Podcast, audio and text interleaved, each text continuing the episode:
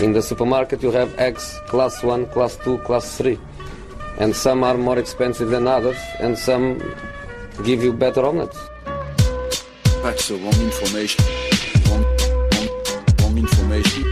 I didn't say that. That's the wrong information. Do you think I'm an idiot?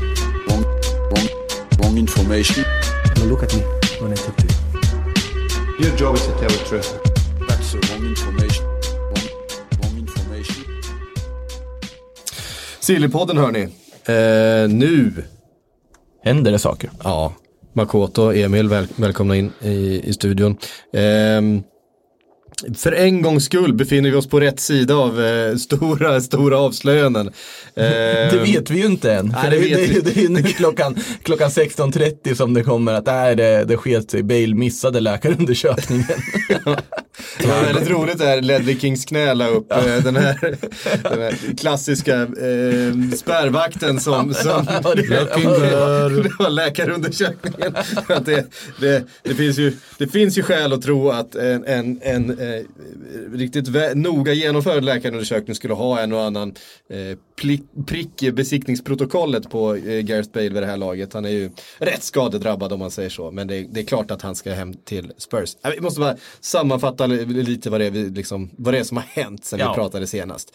Gareth Bale verkar av allt att döma vara var klar för Tottenham, genomgår någon slags läkarundersökning idag i, i Real Madrid. Ska ha sagt hej då till lagkamraterna till och med. Det Ska, där vi är. ska ha sagt hej då till lagkamraterna. Eh, ingen svara. Eh, det vi kan anta. hej då grabbar! Svar. Bara tyst. Alla tittar på varandra. så. Ke? Nu går han. Det där är inte spanska. Eh, skramlar om, det skramlar Vem är det där? Ja, precis. Skramlar om golfklubborna när han eh, ger sig ut i eh, det spanska mörkret. Eh, Mörkret, det är förmiddag vi pratar med. Ehm, vi har eh, Thiago som vi har pratat om så mycket i sommar. Till Liverpool, är han på väg, är han inte på väg, har de råd, har han inte råd, ska Gini Wijnaldum liksom gå? Eh, nu verkar det som att det bara helt enkelt är så att eh, Thiago ska värvas till Liverpool. eh, och inte så mycket mer vad vi vet i, i dagsläget. Wijnaldum Det är ju typ bekräftat från Bayern själva Ja, till och med. Så ja, alltså där har ju Hansi Flick varit ute och sagt att ja, Liverpool får en fantastisk spelare så att eh, den kan vi nog räkna hem så att säga. Och Det kommer vi läkarundersökning prata om- idag. Läkarundersökningen typ. i, i München. Ja. Ehm, typ just nu. Så att han kommer väl stå där snart och luta sig mot en vägg i en Liverpool-tröja.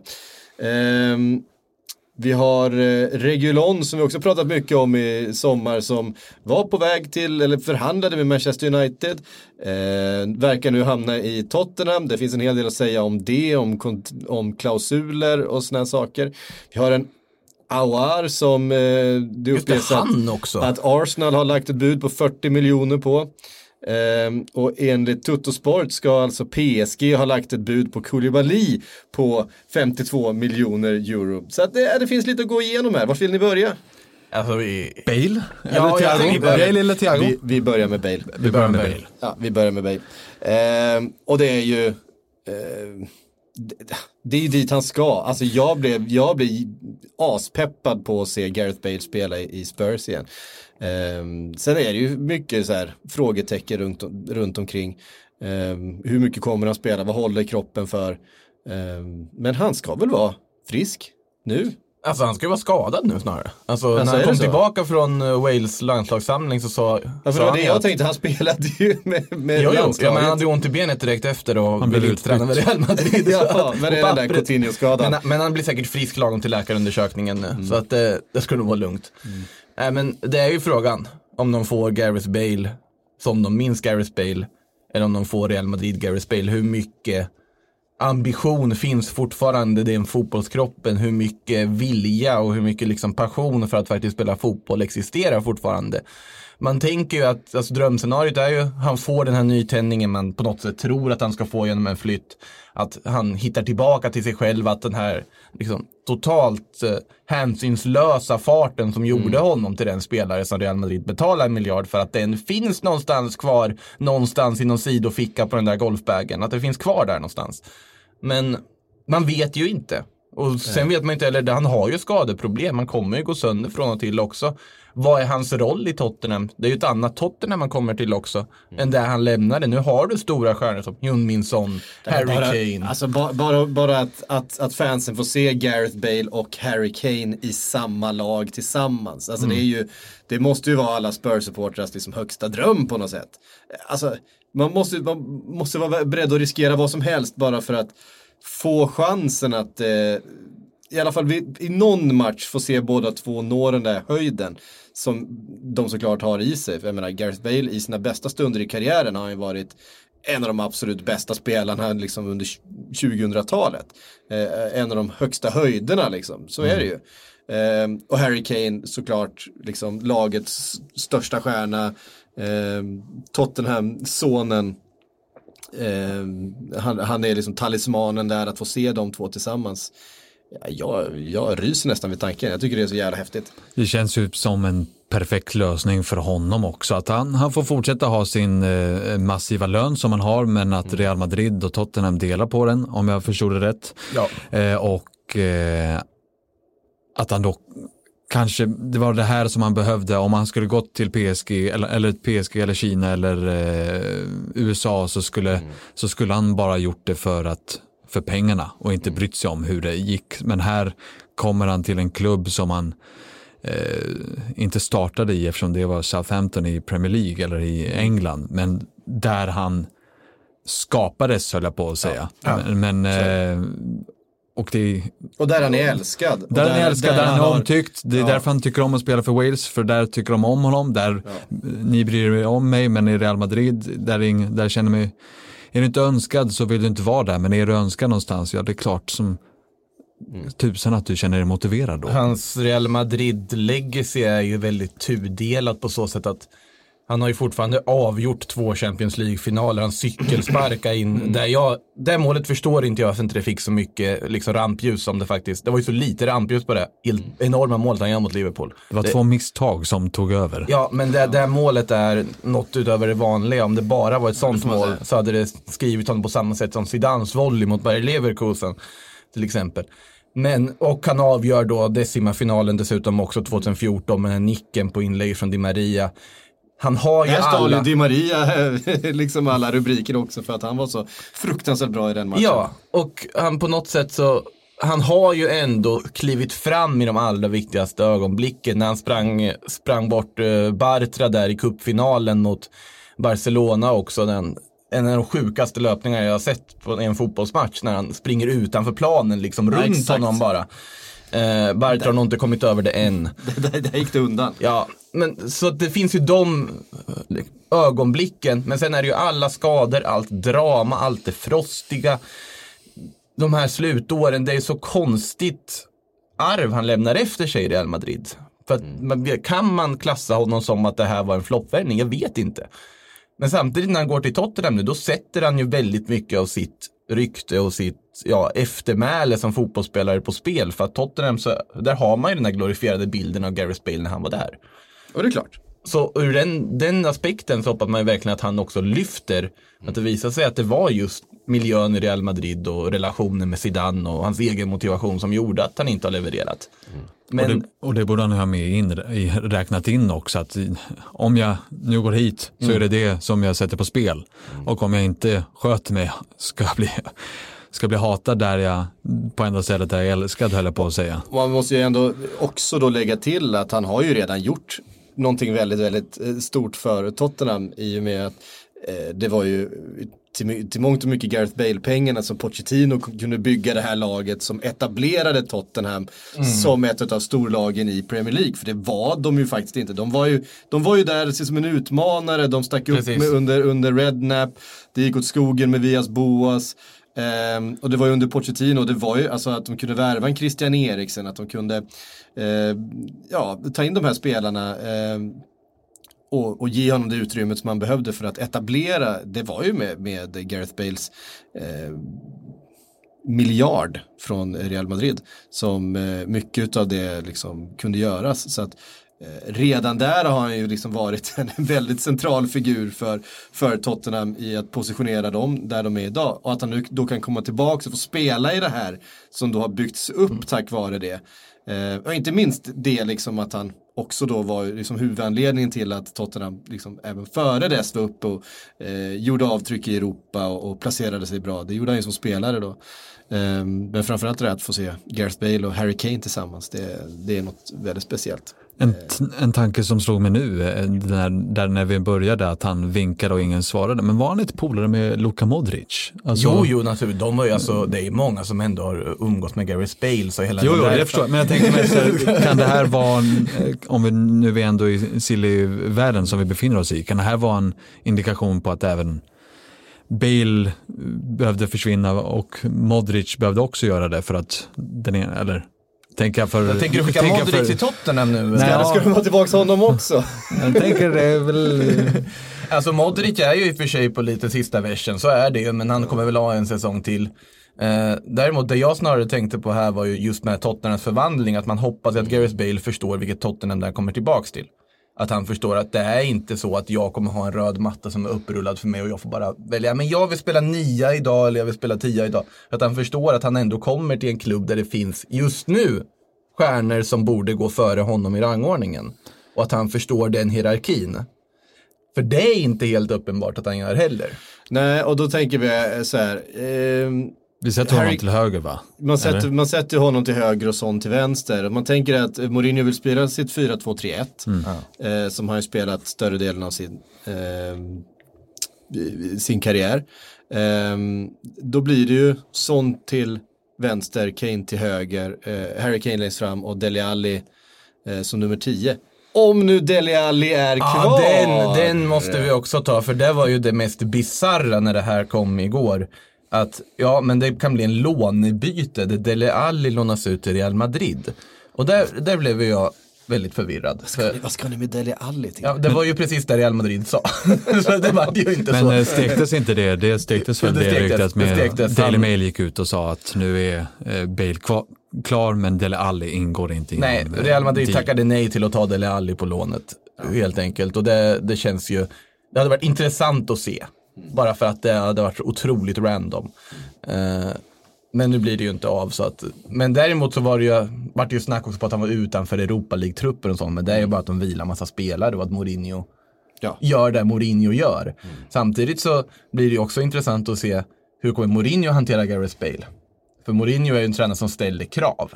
Han ställer krav på att du ska ge 100%. Kom med en Wales Golf Tottenham-flagga, då kommer inte han spela många minuter om vi säger så. Så att han får ju verkligen visa att att prestera för Tottenham är mitt priopunkt. Annars så kommer han få en väldigt jobbig tid. Definitivt. Ja, och jag har svårt att tänka mig att han går till Tottenham utan, alltså med fel inställning till det, med någon slags inställning av att han ska dit och, och glassa. Det, eh, ja, så, då, hade han, då, då hade han haft andra erbjudanden. Eh, det hade han kunnat göra i Manchester United. Ehm. Eh, jag fick en min precis. Eh, Eh, Det var någonting annat att säga. Ja men det finns ju också alternativet kanske att eh, spela Lucas Moura till höger, eh, Bale till vänster och eh, flytta in en sån som nummer 10. Eh, vi pratade väl sist om att man behövde väl, eller var det Premier League-podden kanske, det här med att vem ska slå passningarna till Kane och vem är då bäst lämpad att vara central? Eh, Det kanske är Son eller är det Ali eller vem? Ja alltså du, sen har du en du ska formera det där liksom centrala mittfältet då, då är det ju Lo Celso Lo Celso, och eh, Harry Höjbjerg, Winks, Höj. Höjbjerg, Winks. Eller uh, Sissoko eller Ndombele om han skulle få chansen igen från ingenstans. Det finns ju alternativ på innermittfältet du kan använda dig av så att 4-3-3 liknande lösning med Lo Celso i en lite mer framskjuten roll känns ju inte heller helt osannolikt. Spännande i alla fall. Eh, Ja, verkligen. Och en ny ytterback också. En ny, en ny vänsterback. Men han kan Real Madrid köpa tillbaks. Ja, det var ju precis Det det var det därför. Manchester United drog ur sig va? Ja, D- drog exakt. ur sig, drog sig ur. Eh, Regulon har ju det är ju pratat ganska mycket om eh, till olika klubbar. Vi vet att Chelsea varit där och varit intresserade. Eh, Manchester United såklart eh, vill uppgradera eh, Luke Shaw som är skadad hela tiden och vi vet att droppen där bakom är ganska lång ner till Williams. Eh, men Real Madrid vill ju inte släppa Regulon Helt. helt, eh, utan eh, vill då ha en så kallad buyback clause. Eh, och det verkar som att spelaren själv är inne på det, han, han vill väl spela för Real Madrid. Eh, I alla fall ha den dörren öppen att om Real Madrid vill, vill, eh, vill ha honom ska de kunna eh, komma och hämta honom. Men det är klart att en klubb som Manchester United inte kan gå med på tillbakaköpsklausuler. Det är ju sånt, alltså det vore ju, alltså de håller ju på att bygga ett lag. Då kan man inte hålla på med sånt. Jag, jag tycker det är jätte, eh, alltså det är helt självklart att Manchester United inte ska gå med på en tillbakaköpsklausul. Däremot kan man fråga sig, borde inte United förhandlat hårdare och mer intensivt för att kanske få till en deal där man inte har den? Då kanske priset hade dubblats, det är väl det som är. Ja, men det kanske är värt det. Alltså för att titta på Achraf Hakimi-försäljningen, Inter lyckades förhandla bort en tillbakaköpsklausul på Hakimi. Vilket känns som en uppenbar grej som Real Madrid borde ha lagt in när de sålde honom. Nu sägs det att det ska finnas någon form av first refusal deal, men den är ju en annan sak. Eh, Och i Reguilons fall så pratas det väl om att den gäller i två år och därefter blir det någon form av first refusal situation. I, så att för att det är 30 miljoner till att börja med. Som det pratades om då, 30 miljoner euro. Det, det är ett absolut skäligt pris för Reguilon. De var en av La Ligas bästa vänsterbackar förra säsongen, har utvecklingspotential, har offensiva kvaliteter, visat att han även kan hantera defensiven. Ehm, så att, men säg att du säger, men vi ger er 40 om ni skippar den klausulen. Bara för att förenkla liksom förhandlingsprocessen de skulle kunna ha tagit. Det känns som att United kunde ha gjort mer. Och det säger man utifrån perspektiv utan att veta hur mycket ja, de har gjort. exakt. Men det kanske var så att, eh, att Real Madrid ser Reguilon som eh, liksom en, en framtida eh, spelare verkligen och att han själv kanske säger, äh, jag vill inte gå på lån igen, det, liksom, man får ju en viss status i laget där man kommer, man kommer på lån, en speciell relation till, till den tränaren och så vidare. Att, ja, helt enkelt en, en, en ny klubb på riktigt. Men bara nästan på riktigt då med tanke på den här klausulen. Eh, jag är inte lika förvånad över att, att Spurs ändå går med på det som eh, hade varit om Manchester United eh, gjorde det. Jag vet inte, det känns lite grann som att de eh, för tillfället är ju inte Tottenham en lika stor konkurrent på så sätt. Alltså sett till, eller konkurrent, konkurrent, men de spelar ju inte de samma är- Europaspel så det är inte så att de känner att ah, vi köper tillbaka honom så att de inte, så att de inte får utveckla honom mer. Nej men det, det är alltså, någonstans så lirar ju det här liksom kortsiktiga tänket med att ta in en spelare med en återköpsklausul. Jag menar gör han supersuccé och sen så försvinner han bara. Eh, Real Madrid för ett fast pris. Ja visst, då, då är det typ som att du har lånat spelaren eh, och betalat hans lön. Eventuellt så tjänar du lite grann på om du har liksom en, en klausul som säger att han eh, då skulle köpas tillbaka för lite mer pengar än vad, vad de betalade ja, för. du kommer ju gå plus på en sån affär naturligtvis. Eh, Men det känns, det känns liksom som lagbyggesmässigt eh, väldigt kortsiktigt. Men å andra sidan så har de ju anlitat Mourinho som också känns som, som en ganska kortsiktig lösning eh, ur, alltså om man ser ur klubbens perspektiv. Eh, det är ju inte liksom en ny Pochettino som ska in och bygga en ny dynasti. Det är ju inte det man tar in Mourinho för. Mourinho tar man ju in för att man vill vinna saker här och nu. Men det har väl lite också med att vet, göra att Tottenham vet sin plats i fotbollshierarkin. Alltså, alltså sett i, i liksom jämförelse med Real Madrid. Manchester United har ju en för glorifierad självbild för att överhuvudtaget gå med på att på något sätt agera feeder club Ja exakt, klubb. och det kan de ju inte göra. Och Tottenham har ju ändå en historia med Luka Modric, Gareth Bale och så vidare som har gått till Real Madrid.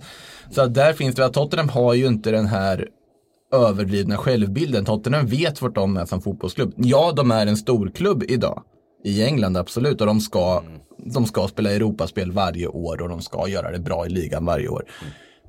Men i det här fallet när de behöver en vänsterback jag kan förstå att de ser chansen och tar den och bara accepterar den klausulen. Sen vet jag inte, ska jag säga, hur mycket den ligger på, för det är också intressant. Nej, vi vet ju inte hur de här eh, klausulerna exakt är utformade ju. Eh, Och men- om man tittar på de närmaste två åren, då ska det till att Marcello är riktigt, riktigt dålig nästa säsong när han får chansen för att de ska ta in Regilon nu. Och var skulle Regilon vilja gå in när han kommer vara ett garanterat andra val bakom Ferland Mendy som ju är nog är tänkt att ha den där vänsterbackspositionen i x antal år framöver i Real. Ja, precis. Eh, hur gammal är Marcelo nu? Det känns som han har varit med hur länge som helst. Alltså han är väl strax över 30? Eller Jag strax över. 33. Ja men du är nog någonstans där och... Han känns väl 86-ig. 86. 86. Eh, ja, nej, men det är väl ja, men något sånt där. Eh, och det är klart att med hans spelstil, eh, sättet, alltså den typen av ytterback det är, det är ju inte en spelare man ser kommer leverera på samma sätt när han är liksom 37-38. Jag kan ju säga så här att han kommer nog leverera ungefär lika mycket som han gjorde förra säsongen när han är 37-38. I alla fall i defensiven, för han, det var han ju sällan. Nej, där är han ju inte. Han, han, han är ju han är en fröjd att beskåda när han är som bäst och jag har nog det är få vänsterbackar man har sett vara så liksom dominanta som Marcelo var i sin prime. Men samtidigt så har han på något sätt också blivit den här Marcelo som han var när han typ 18-19 och slog igenom. Att han inte riktigt vet vad försvarsspel är mer riktigt. Och sen ser han ju så oerhört mätt ut fast det finns en otroligt klubbhjärta och driv i honom. Så har han ju en viss stil. Ja, han har ju gör att. Och eh, nu kommer han ju vara ett andra alternativ till Ferland Mendy. Jag har väldigt svårt att se något annat än att Mendy kommer vara första valet i de stora matcherna. För det har Mendy förtjänat på vad han har gjort. Han är en helt komplett ytterback som faktiskt varit den enda bra värvningen Real Madrid gjorde förra sommaren. De spenderade 3 miljarder. I princip. Ja. Ja. Så det finns ingen plats för Reguilon, det var det jag ville komma till. Nej, det gör det inte. Eh, men det är inte bara Tottenham som har eh, eh, slantat upp de senaste 24 timmarna. Eh, Liverpool har av allt att döma gjort klart nu då till slut med eh, Thiago Alcantara från Bayern München.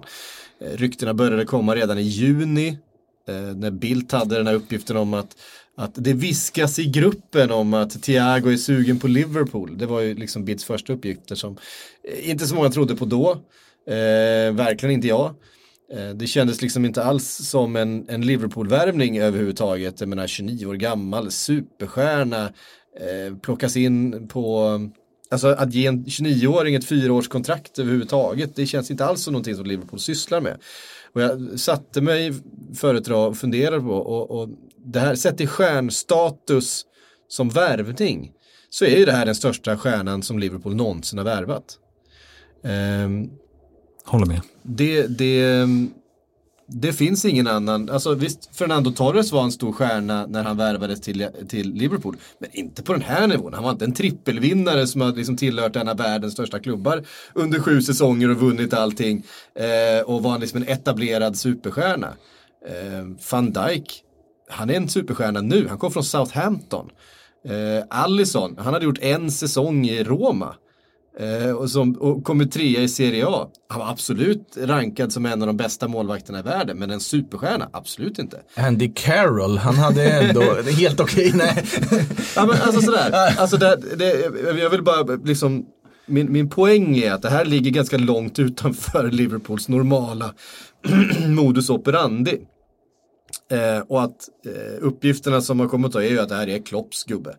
Eh, Klopp har ju under många liksom, gånger, redan 2017 eh, så nämnde han, då, då pratade han om de två bästa mittfältarna i Bundesliga, där det, var, det var Keita och det var eh, Thiago. Eh, och nu har han dem båda två, eh, plötsligt. Sen har ju, står jag att Thiago kommer vara mer lyckad än vad Keita har varit hittills. Det beror ju på, är han lika skadad som Keita har varit? Eh, vilket, vilket är en, en, en, en riktig risk med Thiago.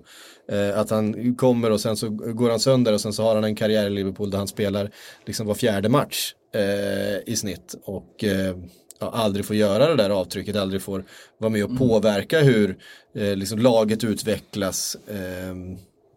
Han har ju liksom en, en ganska diger skadehistorik, eh, Thiago. Det måste man ha med sig. Ehm, men såklart en, en, en otroligt, otroligt spännande värvning. Och en, eh, en mittfältare som är i Ja, verkligen i sin peak just nu. Eh, varit en av Europas absolut bästa centrala mittfältare den här säsongen. Eh, tillför ju någonting som ingen annan mittfältare i Liverpool eh, har. Det där eh, extrema passningsspelet. Den här tryggheten centralt som eh, han blir som en ja, Eh, som en helt ny typ av mittfältare, en helt ny, ny eh, möjlighet för Klopp att, att formera eh, ett lag. Och det är därför han har kommit in, för att det finns inte så jättemånga spelare på marknaden som kan komma in och göra skillnad i ett lag som Liverpool. Det, det, det är så, det är klart du kan fylla ut en bänk med spelare som är ungefär lika bra som de du har, men som inte är inkörda i systemet. Alltså att plocka in någon, du vet Klopp har ett väldigt tydligt sätt han spelar fotboll på. Det tar ofta lång tid för spelarna att etablera sig.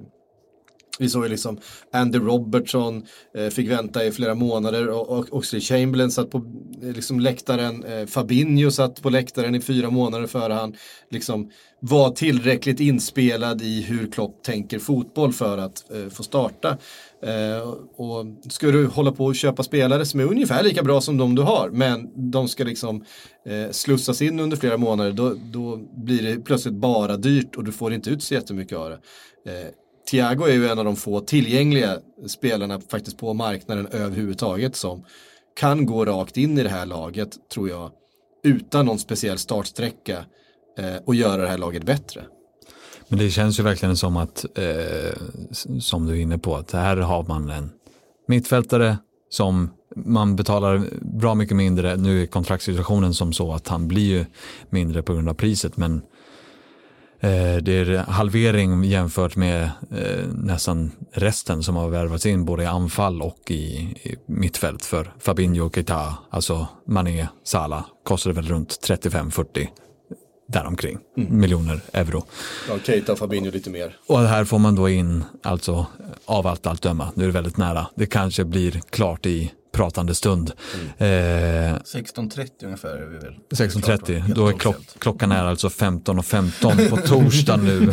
Eh, vill jag bara intyga. när liksom så. Eh, så är, här får man in, alltså det spanska landslagets eh, motor, ett av världens bästa landslagsmotor. Du får in en mittfältare som inte kanske gör samma sak som Wijnaldum eller Henderson eller Fabinho. Fabinho är den som ska eh, stoppa eh, när motståndarna kontrar framförallt och Wijnaldum och Henderson sliter och jobbar.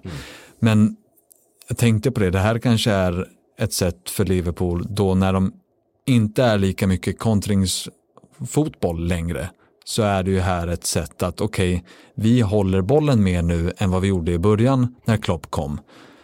Vad behöver vi då? Vi behöver någon som kan splittra försvar, någon som kan hitta igenom, inte bara någon som kan springa igenom. Och eh, man hade Coutinho förut men han sålde han och honom sålde de.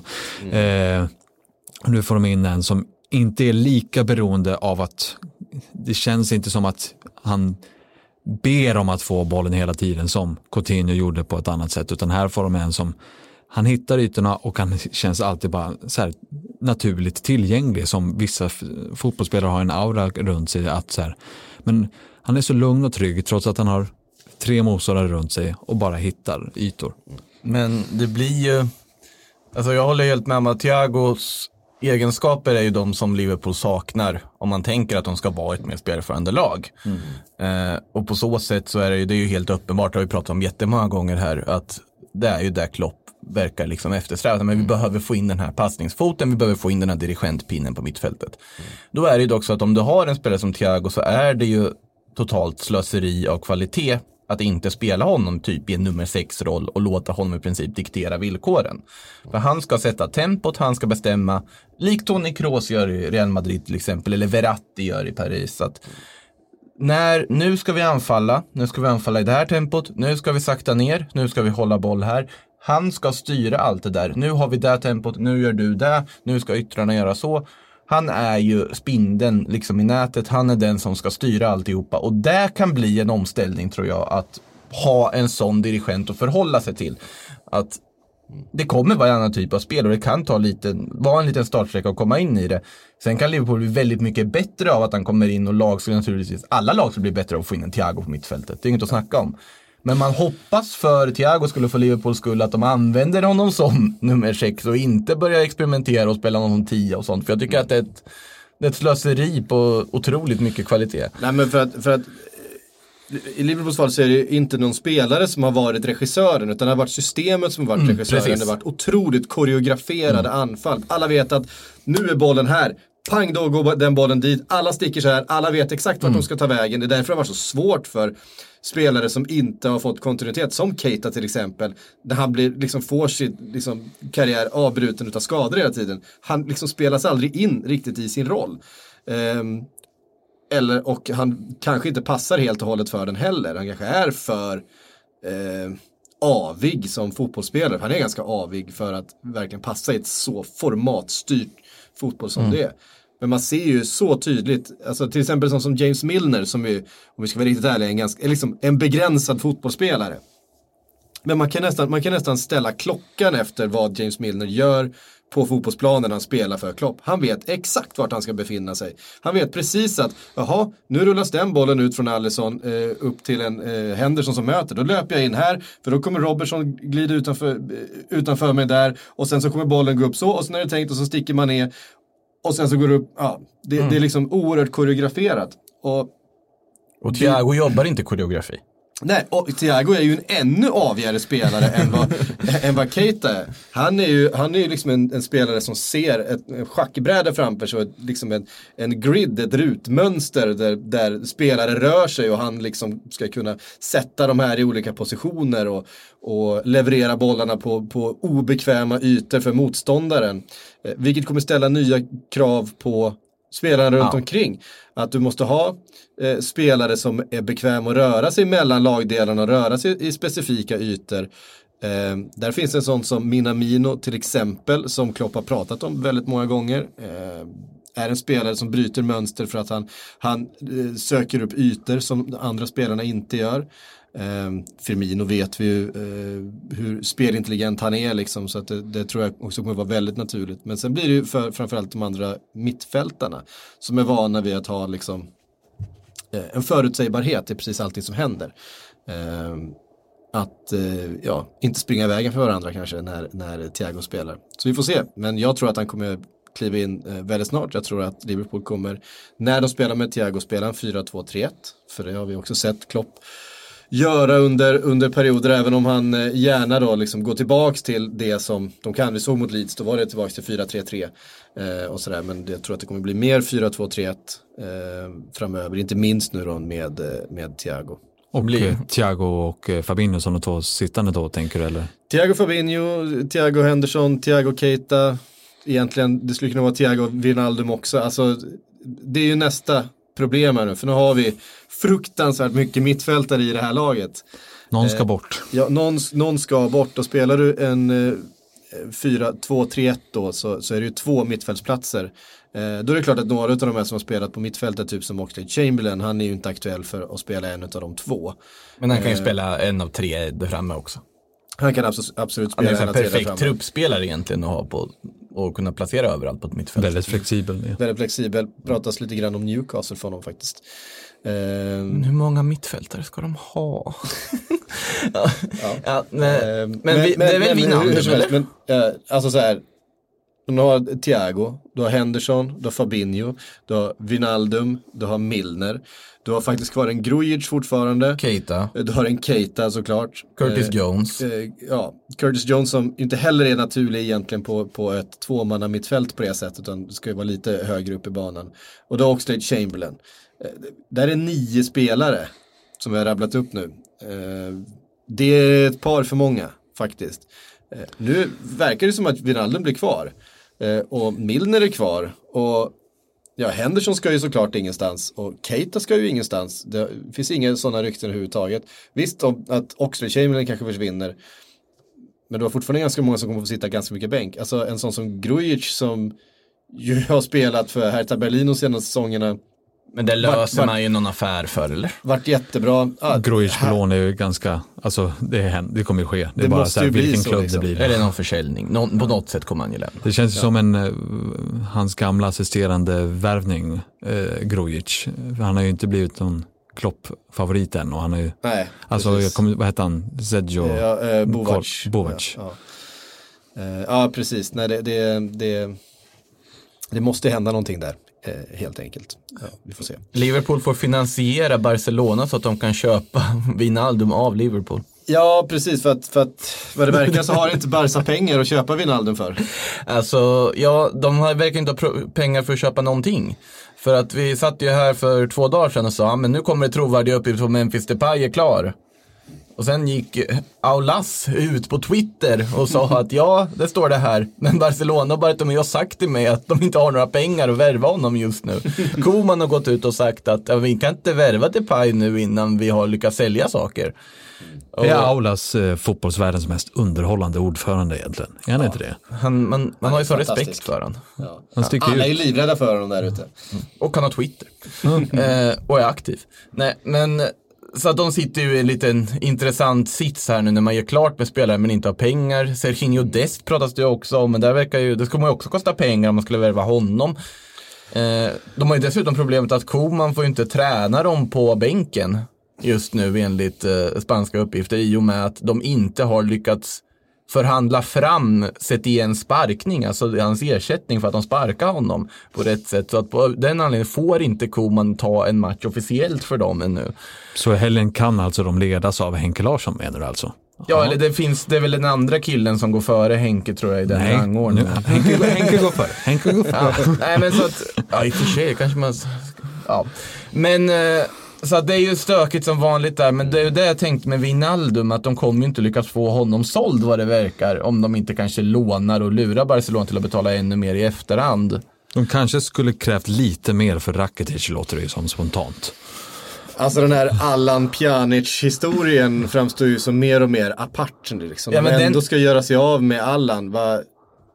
Alltså, Allan. Artur. Arthur.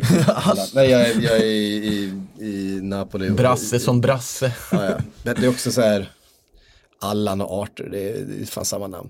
Ehm, eh, skitsamma, den, den affären framstår som ännu mer apart. Ja, fast Alltså, den räddade ju bara förra, förra värvningarna. Det är ju för, det är förra bokslutet de räddade med den. Det är ja. det förra bokslutet de räddade med den. Och det var därför de gjorde den på det sättet att affärerna gjordes i månadsskiftet juni-juli där. Och det var ju bara för att rädda upp efter värvningen av Griezmann och alltihopa. Som de egentligen inte heller hade pengar för att värva. Så att de, de sitter ju i sån ekonomisk rävsax. Samtidigt så verkar ju nu den här ja, det blir ett misstroendevotum Bartomeu. De har fått ihop namnteckningarna de behöver väldigt snart. För de, det tickar ju ner hela tiden. Nu är det bara 10 000 kvar, nu är det bara 8 000 kvar, nu är det bara 1000 kvar. Så att det blir intressant om de får igenom ett misstroendevotum här och nu också. Det är så om Viktor Font skulle kliva in eller någonting, då kommer han fortfarande inte ha pengar. Han kommer inte kunna fixa det här på en dag. Men Alltså det är en sån konstig situation de är i och Luis Suarez, nu verkar han ju vara på väg till Juventus igen. Ja. Så att det, man vet, man har ingen aning vad som händer där verkligen. Men det, det blir ju en konstig situation när Wijnaldum är kvar i Liverpool, det var det jag tänkte. Ja, så är det ju. Det blir väldigt, väldigt svårt att se hur alla ska få plats helt enkelt. Måste säljas för att de ska kunna köpa helt enkelt känns det som. De har ju, vad har de, tre stycken miljardvärvningar uppe på topp. Nej, två. Tre. Coutinho. Coutinho och Dembele. Det är två Coutinho, Dembélé, miljard. Griezmann. Ja, all- tre miljardvärvningar. Och så har du Alla tre satt på bänken i eh, Champions League eh, Finaler. slu- final. Varav Nej, en semi. av dem gjorde två mål för det andra laget. Ja. Ja, Såklart. Ehm, ja, det, det är oerhört stökigt. Men är det någonting man kan säga att det händer grejer nu? Vi ser, vi kommer in på det strax också, att Arsenal har lagt bud och så vidare. Klubbarna har ju, vad det verkar nu, fått en bättre uppfattning om, om eh, budgeten för den här säsongen. Det är väl det vi kan liksom slå fast, att nu börjar fansen eh, återvända. Eh, Liverpool har ju dock skrivit upp den här eh, coronaförlusten till en bit över 100 miljoner pund nu, att det är så mycket eh, pengar man förlorar på eh, på corona, vilket är enorma liksom, summor. Eh, men jag tror att det är den här förutsägbarheten i att ja, men nu vet vi ungefär hur stort raset blir. Eh, det gör och det, bara det liksom förutsägbarheten ger oss lite utrymme att agera. Därför ser vi Bale och Regulon nu hos Tottenham. Därför ser vi eh, Thiago till Liverpool och då kanske vi också ser en eh, Awar till Arsenal för de har lagt ett bud eh, på den spännande mittfältaren. Men är eh, inte på det 40 lite mil- 40 baserat på. Torreiras eventuella försäljning? Ja, det hänger ihop med, det är väl lite grann som vi pratade om med just eh, Wijnaldum. Men, men de har ändå lagt ett bud vad det verkar. Eh, om man ska tro uppgifterna. Eh, På hur mycket? eh, 40 miljoner eh, pund på Awar. Kommer inte Aulas tacka ja till. Han tackar, inte, han tackar inte ja samma dag i alla fall, det kan du vara säker på. Här, här ska det klämmas pengar ur. Och twittras. Ja. Han har inte något teaser på, på när det plingar till i, i, inboxen. Han låter dem dra ut lite på det. Men det, det har pratats länge om Awad och Arsenal. Det sägs att han själv är väldigt eh, sugen på att spela för Arsenal. Eh, är ju en, en enorm klubb just i, i Frankrike. Eh, och att Arteta ska ha eh, liksom pratat med honom att han ska vara liksom eh, väldigt sugen på att spela för just eh, Mikael Arteta. Eh, jag kan se det hända. Jag kan absolut se det hända och det skulle ju vara en supervärvning utav Arsenal. Det här är ju, det är ju precis den positionen där jag tycker att de har absolut mest eh, liksom, u- u- förbättring på Ja, det är ingen snack om för, för, saken. för, förbättringspotential. Men om de- Özil kommer ju inte spela så mycket fotboll liksom. Men om de skulle få in Awar i det här fönstret också så gör ju Arsenal och Arteta eh, ett makalöst bra fönster. Man, man nämner Chelsea som övers eftersom de har värvat för över 2 miljarder och kanske har gjort det bästa fönstret sett överlag. Men att säkra Aubameyang som Arsenal gör, att eh, få in William, visserligen eh, med dyr lön och eh, Gabriel Gabriel jätte, lite svajig start där i debuten i inledningen. Ganska nära att kunna dra, Ja, fast alltså man, orsaka ett sum, rött summa kort och straff. summarum så var det ju en succé. Det var, Absolut, det var en bra debut absolut. även om det första Och sen den andra var- mittbacken som de värvade i fjol men lånade ut, eh, Saliba, som nu är tillgänglig och då får in Awar så blir det ju så här, Ceballos förlängningen. Ja, ja, den, också jättebra viktigt. fönster. Den var ju jätteviktig Och jag menar bara, alltså skulle de få in Awar nu, 22 år gammal, eh, med all den potentialen och, och, och möjlighet att bygga runt. Eh, det är ju precis som ett komplement då till att man, man plockar in en, en William som ju liksom inte kommer vara liksom framtiden i Arsenal. Aubameyang kommer heller inte vara framtiden i Arsenal. Han är här och nu i Arsenal, men han är också en bit över 30. Ehm, Och Arsenal måste värva fransmän oavsett om Wenger är kvar i klubben till. eller Det hör ju till. Det är Arsenals eh, DNA. ja, precis. Ja, eh, vi har ju inte nämnt Aubameyang väl, att han faktiskt officiellt förlängd till den här podden heller. Nej, Det skedde väl också efter. Det gjorde ju det. Eh, Kom jag precis, på precis, precis. precis efter vi klev ut förra gången. Ja, Men väldigt jag har- fin, Men, men vi har ju eh, konstaterat innan att, att det skulle hända. Ja, jo så är det ju och det var en väldigt fin, fin men något självgod eh, presentationsvideo på det nya kontraktet får man väl ändå säga. Ja. Det var, det var lite mer högre budget än när Grealish förlängde. Ja, men Han har också förlängt. Ja, Men det tror jag vi fick med va? det fick vi med. fick vi? Ja. Jag tror det. Det var fem, just det, femårskontraktet där. Ehm, och att han blir kvar i Aston Villa. Och det var den bästa värvningen som de kunde göra. Precis. Eh, var att, eh, Och i Arsenals fall så är väl en av de bästa värvningarna de kunde göra att förlänga med Aubameyang, egentligen. absolut. Men Aston Villa har väl sedan ni pratade gjort en värvning till? Tänker du på. Emi Martinez eller? Ja, Martinez. Nej just det, Nej, det har vi inte pratat om. Från Arsenal, på Ja, tal om precis. Arsenal Aston Villa. Jag ger dig Exakt. en liten segway här. Ehm, fantastisk värvning. Var ju, var ju otrolig under den eh, avslutningen på säsongen där han fick vikariera för, eh, för Leno.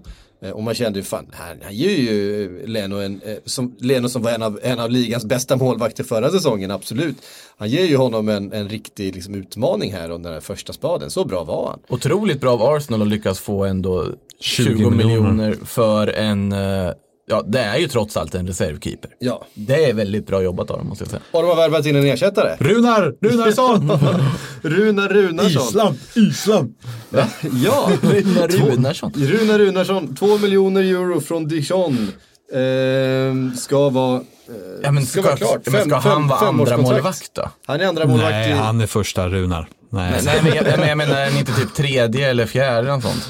Jag vet inte. Ehm, vem har de mer? Jag har inte koll på vem de Förr är. hade de ju alltid Fabianski, men det har de ju inte Nej, nu. det var det. West Ham. Hade ju Kersny alltid. Kerstin och Fabianski var alltid där. Alla är- polska målvakter. Ehm, Vem är det? Man brukar ju alltid ha koll på alla de här reservkeeprarna i Arsenal. Men jag vet nej, inte vem det är. ja, alltså Martinez var det ju. De, har i alla fall, de har i alla fall eh, köpt eh, Runa Runarsson från Dijon.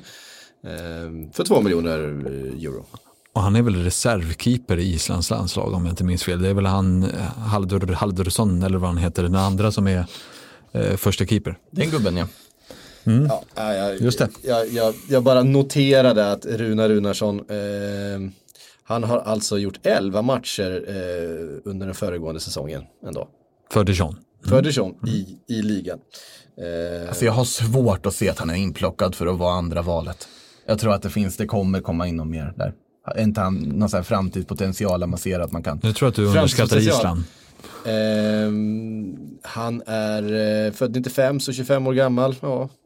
Och kanske inte så mycket framtidspotential, men ett tredje val. De kan inte värva en, Någon som acce- en liksom accepterar roterad målvakt i Dijon som andra val. Jag, jag råkade också klicka in här då på den eh, isländske filmregissören Runar Runarsson. Han var född 77, så jag tänkte vad fan. Var inne på fel Wikipedia-sida här. Ehm, De skulle varit honom istället. Det har varit något, det har varit rutin. Nej, nej, men jag tror att det borde väl komma in någon form av annan andra målvakt. Nu är inte det alltid lätt att värva andra målvakter, för du, är en, du ska ju ha en tillräckligt bra målvakt som ändå kan acceptera att eh, sitta väldigt mycket kvist. Och det är inte så lätt att hitta. nej, Eh, han har gjort fem landskamper för Island. Det är väl det Runar gör kanske då, accepterar att han är andra kvist. Jo, absolut, han är det helt sjukt, men han är väl inte, han är inte tillräckligt liksom, välmeriterad för att vara andra kvist i år. Nej, jag vet inte. Han har ändå gjort 36 eh, starter för Dijon sedan 2018, alltså på två säsonger. Så att han har ändå spelat en hel del. Skulle vara Eh, intressant att göra. inte varit, inte varit eh, Kanske det blir Runar då. Alltså om man tittar på andra målvakter överlag så är de är ju sällan väldigt vassa. Alltså, eller de, det är ju det är ju så svårt eftersom de vet att okej, nu blir det en bortamatch till där jag sitter på bänken. Och han måste få rött kort eller Ja, och bli skadad för att jag ska spela. Liverpool gick- går runt med Adrian som andra keeper och Alltså de hade ju. Lonergan, Andrew Lonergan från typ eh, Shrewsbury eller var de hämtade honom ifrån som var andra keeper ett tag när Alisson var skadad. Så det, alltså, det händer ju saker i eh, Jo, och att om det blir en allvarlig skada så kanske man löser det på något sätt då. bästa andra keeper i Premier League borde väl nästan, Just nu är det väl Dean Henderson. ja. Ja det är det ju. Eller, alltså- om man alltså- är andra keeper. Om man är andra keeper. Eller så är det Alltså, de Gea som är, bästa- som är ligans bästa andra keeper. Bästa målvaktsuppsättningen just nu har i alla fall United med Romero, de Gea Ja, och för- eh, Henderson. Romero var väl den bästa andra keepern, ja, förutom Martinez då kanske. Men det vi- visste man ju knappt om när för, Men det är, li- förra det är lite det här jag menar, du har ju Gazzaniga i Tottenham också, en duktig målvakt liksom. Eh, Hur är Loris Zac- Karius i Liverpool nu också? Han är ju tillbaks. Zack Steffen i City är ju en spelare som också liksom spelat ordinarie och varit bra i Bundesliga. Går in som andra keeper, mest för att han är ägd av City nu, när Claudio Bravo har dragit. Adrian har ändå spelat en hel del. Så du, jag menar, du måste ju ha en viss Vil, vil- vilken, vilken plats som andra keeper hamnar Kepa på när eh, Edvard Mendy kommer in? Högt skulle jag säga fortfarande. Jag kommer sitta i den här kepa-båten. Jag kommer sitta i min spanska Sitter du i båt. Kepa-båten? Jag sitter i kepa-båten. Jag har suttit i den länge att eh, vänta bara. den, den läcker den här båten men han sitter kvar i den. Det ser, ser lite ensamt ut Makoto Det tycker jag. börjar bli lite svalt. Blött. Läcker som, ett, som Kepa. Ehm, men eh, Chelsea då håller på och förhandla om Edward Mendy från eh, Rennes. Du får din två meters, eh, inte riktigt två meter visade sig Nej, fransman. 1,98. Det är jag helt eh, bekväm med. 1,98 är tillräckligt. Eh, längre, Det är längre, det är längre, längd. längre så behöver man inte vara. Det är väl den längsta i Premier. League i så fall. Det borde väl vara den längsta i Premier League i så fall. Eller Nick Pope är där uppe och snuddar kanske. Är han det? Jag tror jag inte. Finns det ingen två meters spelare i Premier League? Alltså i målvaktsväg. Ja, du har ju annars eh, eh, dansken i Southampton nu, som jag tappar namnet på nu. Eh, mittbacken. Westergaard. Westergaard, han är ju två meter. Eh, Men om vi Nej, inte han också där och petar på typ 1,98? Jo, men han är väl också något sånt där 1,98 kanske. Ah, Eh, Han är lång som, lång som en flaggstång i alla fall. Nej, jag tror inte kanske att det, vi har någon två meters målvakt i Premier League. Jag kommer inte på nu i alla fall. Ehm, ja, skitsamma. Det, Det, det är ju lätt googlat för de som lyssnar och faktiskt bryr sig om Definitivt. detta. ja, precis. Här fuskar vi inte. Vart, eh, vart var vi någonstans? Vi, vi, vi Edward helt- Mendy pratade du om. Vi pratade om reservkeeprar och, Och vi var, i, Arsenal. Arsenal. Precis, för de har eh, då eh, signat Runa Runarsson. Eh, så var det. Så är det. Eh, och Awar till eh, Arsenal var egentligen där vi började. Eh, men ja, jag ser, jag ser den dealen hända om man säger så. Jag tycker att det, har, det är liksom ingen annan som drar i Awar längre. Eh, och jag tror inte de får loss Partaj. Eh, pa, partaj? Partej. Ehm, Nej. eh, faktiskt, jag tror inte att Atleti släpper vi- honom. Eh, Alltså det är faktiskt ett enkelt sätt att lösa på om de verkligen, verkligen vill ha Partey. Det är att betala utgiftsklausulen på 50 miljoner euro istället för att börja vela om det. Vilket han är värd. ja. Men, Eh, jag nej, men Arsenal liksom, har ju inte pengarna för det direkt kanske då. Ja, om de har lagt 40 på, på Awar, men Han sen har väl Aouar lite mer utvecklingspotential åldersmässigt. Mm. Ja. Men sen, sen är ju Partey en, idag skulle jag väl säga, mer etablerad spelare naturligtvis. han Ja, är, men- inte, han är inte fransman. Nej, det är han ju inte. Men oavsett vem av dem de skulle få in så en till inne mitt fält har vi pratat om tidigare att det skulle vara väldigt bra. Båda är duktiga. Jag, jag har mina tvivel på att Awar går igenom på att de ska förhandla med Olas och Lyon. Som också ska bli av med Memphis Depay och egentligen inte direkt sitter i ett så här krisläge där de måste sälja av alla sina bra spelare. Alltså jag måste bara säga, vi delar med oss här. Jag vet inte varför det ligger i, i vårt poddrum. Men det ligger alltså en gammal Arsenal-bibel från eh, 2018. 2x ligger det av någon anledning här. Oerhört märkligt. Jag har funderat också på... Vi har ni- sneglat på den här. Va- varför ligger... Ja. Jag Vem att den har- säljs även, eller att vi har eh, att det är svenska kronor, danska kronor, norska kronor och även euro. Ja, du ser. Vi är ju internationella. Eh, hybris. Istället för att hålla på och läsa i den så kan man ju säga att ligabibeln släpps Ja. imorgon. Det kan jag nämna. Där har fredag skrivit alltså. allt. Allt om Spanien faktiskt. Men däremot mycket annat. Eh, kollegan Andersson mycket om Tyskland. Vi har mm. Wagensson skrivit om Italien bland annat också. Så det finns mycket intressant att läsa i den. Och plusbetyg på Bundes, Serie A och La Liga dessutom på alla spelare. Fantastiskt. Nu, nu när vi är inne så här lite på, eh, jag tänkte, jag bollar, bollar upp en liten fråga. Ja. Eh, nu när de här två, Thiago och Bale, är de två som är så här på gång just nu. Alltså, vilken blir nästa den här next big thing Vi som kommer, kommer? vi kommer sitta och vela om Jadon Sancho till United i två veckor. Och så kommer det. det sluta Ja. med att de inte värvar Jadon Sancho. Ja, det är väl känslan man har. Det är väl lite det. Eh, Helt enkelt. Och, Och- tyvärr är väl känslan att United inte har någon riktig plan B på den. De trodde att den skulle gå igenom och nu verkar det inte lösa sig. Och så, eh, jag vet inte vad de ska göra. Ska de vänta ett halvår och sen försöka få loss honom i januari? Eller förhandla med honom så att han kommer till nästa sommar? Eh, och sitta i båten med det, med det laget man har. Det tror jag blir tufft. Alltså. Jag tror att man behöver ha in eh, en förstärkning där på högerkanten. kortsiktig Douglas Costa-lösning där på de sista timmarna. Nå- Den något i trött. den stilen. Det känns, det känns väl som det liksom någon form av realistisk eh, framtidsprognos. Den intressanta, roliga framtidsprognosen, det hade ju varit om deras plan B istället blir att Cristiano Ronaldo blir lack på Pirlos nya träningssystem Ja, och lämnar in en transferbegäran. Vi har ändå haft hela Messi-gate, nu Ja, får vi precis. Bale som faktiskt rör på sig, vi har haft Chelseas galna spendering. Vi har haft väldigt mycket mer som hänt i det här fönstret än vad vi kanske trodde när vi Ja, verkligen. drog, är det här längsta tiden vi har haft Sillypodden igång någonsin? För vi drog igång i maj redan. Liksom. Vi drog igång i maj. Det är tidernas längsta fönster också eftersom det började rykten redan i mars eftersom alla, det fanns ingen sport att skriva om. att göra. Så då bara, exakt. vi kan väl skriva om rykten då. Ja, precis. Ja, men alltså hela världen när det drog igång, det var väl i mars.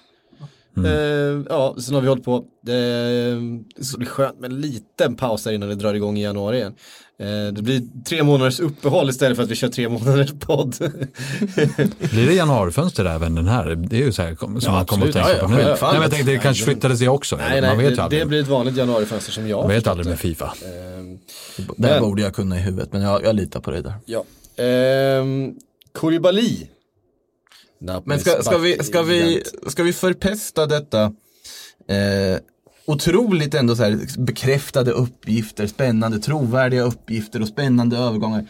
Ska vi förpesta det avsnittet med ännu ett av alla dessa Koulibaly-rykten? Jag är inte trött. Det är ju tut- Tuttosport, de, kan, Ah, de. Då de så. har väl aldrig haft fel. Nej, på Napoli litar jag bara på Radio Kiss, Kiss eller vad de heter.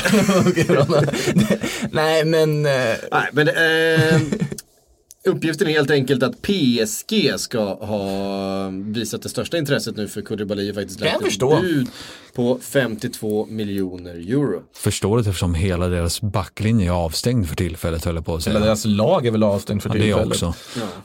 Eh, varför skulle De Laurentiis acceptera 52 miljoner är min första fråga. Min andra fråga är, var inte han typ klar för City ännu en gång och överens med dem för typ en vecka sedan? Det är lite det jag känner. Just den här uppgiften känns väl, väldigt mycket som en löneförhandling med Manchester City. Ja, såklart det är. Ehm, att de håller på och, och förhandlar om det här kontraktet och då skickar agenten iväg Det är någon som är en en liten nyttig idiot just nu. Ja, det sk- skickar iväg en, ett sånt rykte. Det ser vi ju hela tiden. Hitta en eh, grabb på Tuttosport med flinka fingrar och sen är bara att köra liksom. Men var inte det som kom de senaste dagarna det här med Thiago till United, Thiago till Chelsea som, som sköts ner utav, utav journalisterna med insyn. Var inte det exakt samma förhandlingen som pågick mellan, mellan eh, Thiago och Liverpool? Ehm, Nu skickar här vi honom till sak. United om inte ni bara betalar de där fem extra miljoner eurona som vi har suttit och tjatat om här. Precis. Stilen. Ehm, och så då skriver vi väl in Koulibaly till Manchester City då, helt enkelt. alltså det skulle ju vara ett jävla dråpslag för dem om de inte får in eh, Koulibaly nu. Alltså de behöver ju honom. De kan ju inte gå in i den här säsongen med att bara ha värvat eh, Nathan Ake till, till eh, backlinjen. Alltså, Kan de väl eller? alltså de kan men Nej, inte om de verkligen ska liksom utmana. Du så- ser inte att de skulle kunna utmana om titeln med det lag de har nu? Jo, alltså det, det kan de alltid göra därför Ja. att de har så briljanta spelare på andra positioner. Det är klart, har man en, har man en ehm, eh, men vi vet ju att som Ferran Torres, liksom, vi vet, alltså, om han blir så bra ja. som, som, som man tror att han absolut kan han ju ösa in liksom. Och De Bruyne är De Bruyne och så vidare. Men jag menar, eh, Pep har ju inte litat på den backuppsättning som man har. Jag menar, en utav förutsättningarna att, att City verkligen ska kunna utmana det är ju faktiskt att Fernandinho går tillbaka och spelar på sin bästa position på mittfältet. Så att de kan stå med den där höga eh, liksom backlinjen för att han kommer riva ner alla som försöker kontra på dem och ta de där cyniska tacklingarna. Ehm, Eller att Rodri växer in i det. eller att, eller, eller att Rodri växer in i det. Sen tycker jag inte att han visade tillräckligt mycket, Rodri. Alltså det, jag skulle säga det var huvudanledningen till, till Citys drop-off i prestation var eh, i min bok att, att Fernandinho inte spelade på sin bästa position. Jag tyckte man såg att det fattades eh, en sån awareness eh, på den positionen och att de blev mer sårbara helt enkelt. För att den där backlinjen är inte lika bra som resten av laget är. Eh, och som mittback är bara Fernandinho en i mängden. Ja, och precis, Ja. och där blir han, det blir han, men han, det finns ju ingen tilltro kvar till John Stones. Ehm, Jag trodde han skulle bli så bra under Guardiola där. Men och grejen är att. Ake, Ake är absolut bra. Men han är ju samtidigt den mittbacken som förlorade flest höjddueller i hela ligan. Alltså han är 1,80 lång och eh, i rätt roll mot rätt motstånd kan han vara, absolut vara jättebra. Men vinner man ligan med Nathan Ake som, eh, som ett första val? Han alltså, Laporte är ju, är ju såklart en världsklassback. Han är, han är ju riktigt, riktigt bra. Övriga backlinjen är inte riktigt där. Ehm, Men, men Och- Liverpool, har, nu- nu, finns det en risk att jag eh, sätter mig själv i en farlig situation här med, sitter med två som ändå har vi- viss, eh, vissa sympatier för Liverpool i studion.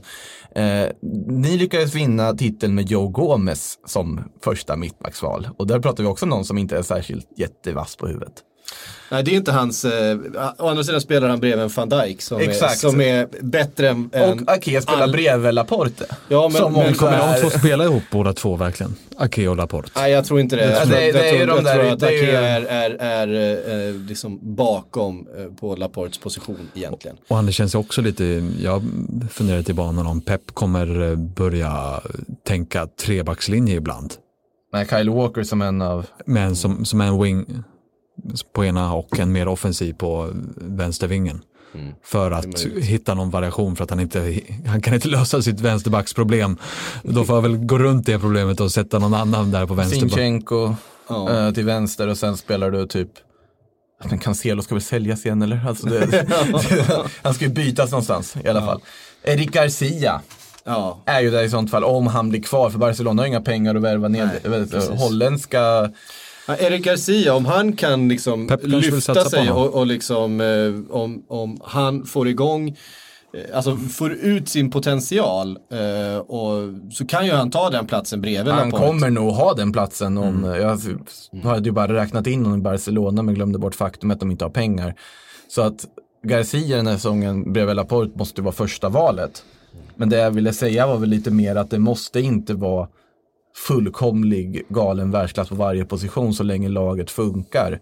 Och Nej, det håller jag absolut med om. Eh, Mm. Men det har ju inte riktigt, försvarsspelet har ju inte riktigt funkat för, för Manchester City. Det är ju det som är grejen. Jo, jo, absolut. Men där tror jag ändå att det inte nödvändigtvis så att du måste ha in Koulibaly för att eh, konkurrera. Det var lite mer där jag är inne på att jag tror att de kan utmana Liverpool även om för att det finns andra, Det- det- andra parametrar i att de inte hade marginalerna på sin sida. De eh, le levererar inte just de här viktiga matcherna de behöver göra. Men rent liksom truppmässigt så har ju de en trupp som ska kunna vinna Champions League. De har en trupp som ska kunna vinna ligan. Ja, absolut. Ja. Det, håller jag, det håller jag helt med om. Men den, den, eh, alltså, om man ska vara bättre än förra året, eh, om man verkligen ska förbättra det här laget, så är det ju centralt i backlinjen som det ska göras. Ja, Därför att, absolut. Det, det kan jag hålla med eh, och, och det tror jag att de eh, kommer behöva göra. De var ändå 18 poäng efter förra säsongen. Eh, det är ändå ganska mycket. Eh, och till minst nu får vi se då hur, hur Liverpool pres- alltså,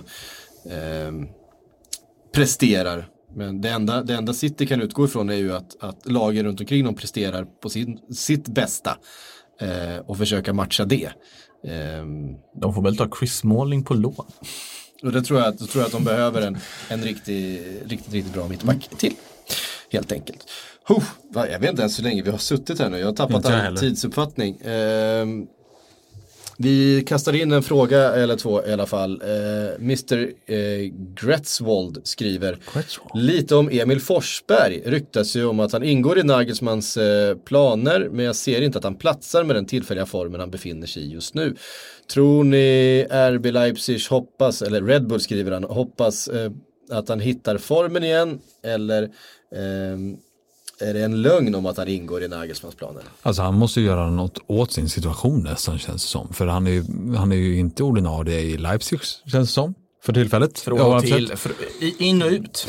Men också att eh, det, han som för något år sedan var den som skulle vara Sveriges bästa spelare i, i VM och EM är nu, det, det börjar ju kännas som att han kan nästa sommar vara petad. Alltså i en startelva. Om Kulusevski har den ena kanten och om Viktor Claesson kommer tillbaka från sin skada. Så eh, Tror jag ändå, tror jag ändå Forsberg går före. Jo, jo, men alltså det är ju mest vad som helst kan hända. Man vet aldrig. Får han inte tillräckligt med, med speltid så blir det ju svårmotiverat. Även om speltid och landslagsplats inte är samma sak eftersom det, det vi- visar sig gång på gång att det funkar ändå att spela för Janne. Vi får väl se om man får behålla titeln King of the North som han fick från eh, Leipzigs Twitterkonto där eller om det var syftade på Sörlot snarare.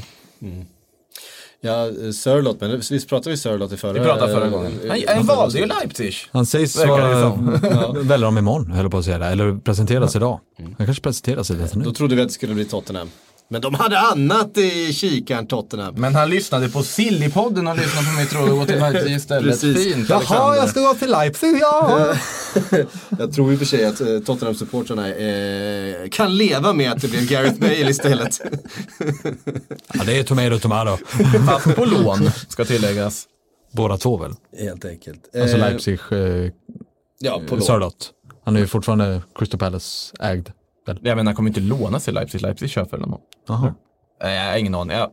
Oavsett. Ehm, ja, eh, vet ni vad? Nu, jag hittar inte mina mentions här och alla, alla era frågor för det. Jag, det är sånt stök där nu så att vi får, vi får ta frågorna nästa vecka. eh, klockan springer ifrån oss här, det är jättemycket. Eh, Emil måste tillbaka till desken. Jag, skulle, jag lånade dig en halvtimme sa jag. Det har jag, jag har svikit Emilia Ja, de, är, jätte- de är jättearga på mig, höll jag på att säga. Jag tror det. Jag såg de arga blickarna när de hade haft eftermiddagsmötet här och gick förbi studion. Ja, precis. Ja, men vet ni vad? Vi eh, knyter ihop den här veckan. Eh, Sillypodden är tillbaka nästa vecka också. Eh, vi kör på hela vägen in i kaklet och nu är det två veckor kvar ungefär. Det är bara där va? Något sånt va? Till, Sen är eh, deadline den 5 oktober. sen blir det deadline day. Och det kör vi som vanligt eh, här på Sportbladet, det vet ni. Den har vi, den har vi gjort några gånger nu. Eh, så häng med oss då eh, och Sillypodden som har sagt tillbaks nästa vecka igen.